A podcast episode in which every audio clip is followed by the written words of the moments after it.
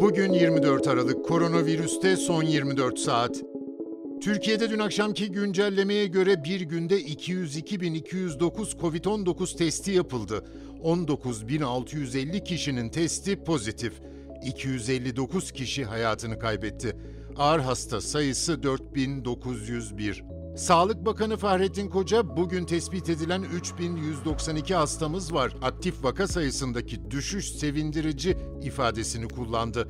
Sivil Havacılık Genel Müdürlüğü'nün açıklamasına göre Hollanda yeni tip koronavirüs mutasyonuna yönelik önlem amaçlı kararlaştırılan uçuş kısıtlamaları listesinden çıkarıldı. Hollanda ile Türkiye arasındaki uçuşlar yeniden başlatılırken Britanya, Danimarka ve Güney Afrika'ya yönelik uçuş kısıtlaması sürüyor.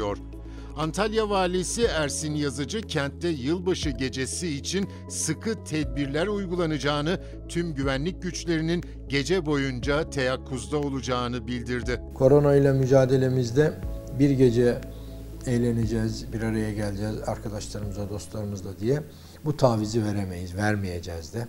Antalya olarak bugün de kaymakamlarımla tekrar bir toplantı yapacağım ve çok ciddi bir şekilde 22 itibariyle tüm işletmelerimizde e, kurallara uygun bir şekilde bakanlığımızdan alınan karar ve il, il umumi hıfza kararı gereğince yılbaşı gecesi 22'den itibaren çok seri bir şekilde açık olan tüm işletmeleri denetleyeceğiz. Eğlenceye yönelik olarak yapılacak sesli gösteri, görsel, bütün bunların hepsi kısıtlanacak ve ben bunları denetleteceğim.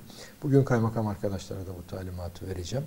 Emniyet jandarmaya verdiğim gibi. Antalya'mızdan yanlış yapılıyor görüntüsünü vermemek için biz o gece hep beraber tüm güvenlik kuvvetlerimizle, tüm mülki amirlerimizle teyakkuzda olacağız. BioNTech ile Pfizer tarafından yeni tip koronavirüse karşı geliştirilen ve Avrupa İlaç Ajansı EMA'nın tavsiyesiyle Avrupa Birliği Komisyonu'nun onay verdiği aşılar Avrupa Birliği ülkelerine dağıtılıyor. Avrupa Birliği Komisyonu aşıların dağıtım sürecinin başlamasıyla süreç hakkında bilgilendirici videolar yayınladı. Buna göre dondurucularda tutulan aşılar büyük taşıma kutularına aktarılıyor. Isı yalıtımlı kutularla dondurucudan nakliye bölümüne getirilen aşılar nakliyede kullanılacak kutulara alınıyor ve eksi 70 derecelik ısının korunması için kuru buzla dolduruluyor. Dünyada bugüne dek Covid-19 teşhisi alanların sayısı 79 milyon 163 bin. Toplam ölüm 1 milyon 740 bin. Bugünlük bu kadar. Hoşçakalın.